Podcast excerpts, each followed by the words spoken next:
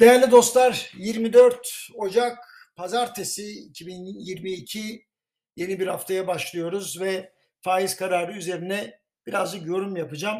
Benim için şaşırtıcı olmayan Merkez Bankası kararı şöyle yorumlanabilir. Öyle ya da böyle zaten Merkez Bankası'nın piyasa dinamiklerini dikkate almak zorunda olduğunu biliyorduk. Dolayısıyla piyat, piyasayla inatlaşmadı.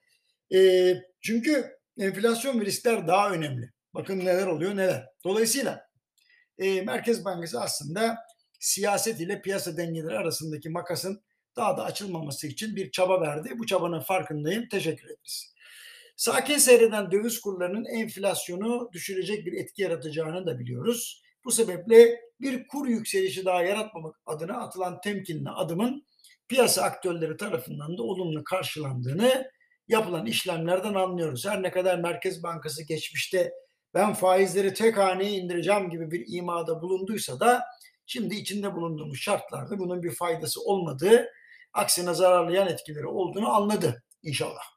Merkez Bankası büyük ihtimalle dünyada artan enflasyon ve Fed'in faizleri arttırma konusundaki ciddiyeti çerçevesinde para çıkışının önüne geçmek amacıyla önemli bir adım attı. Karar sonrası yapılan açıklamalarda bunu gösteriyor. Ancak hala cari fazla verme üzerine ısrarcı bir tavır görüyor.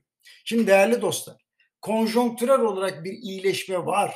Ama bunun pandemiyle bir alakası var. Pandemi geçince eski halimize döneceğiz. Dolayısıyla büyürken cari açık verme gibi bir yapısallık var Türkiye'de. Bu hala düzelmedi. Yani bir kırlangıçla bahar gelmez. Dolayısıyla cari dengede iyileşme şu anki ekonominin yapısıyla iyi haber değil kötü haber olarak adlandırılmalı. Şimdi Merkez Bankası'nın aldığı son karar ve açıklama geçmiş kararların ortaya çıkardığı rahatsızlığı kabullendiğini ama bunu yüksek sesle itiraf etmekten uzak durduğunu bize gösteriyor. Umarım büyümenin yavaşlamasından ortaya çıkacak cari açıktaki daralmayı bir cesaret unsuru görerek faiz indirimlerine tekrar devam etmez. Daha önce söylediğim gibi faizleri yükselterek enflasyonu düşüremeyiz. Ama faizi düşürmek de büyümeyi garantilemez. Bir de faiz indirmenin yan etkileri var ki arzu edilen hedeften sapılmasına yol açıyor. Dolayısıyla Merkez Bankası faiz düşüren ya da faizle oynayan değil, faizlerle hiç oynamayan, sabit tutan ve bu şekilde piyasaya destek veren ya da güven veren bir pozisyonda olmalı. Aksi takdirde vatandaşların döviz tevdiat hesaplarına ilgisi devam eder.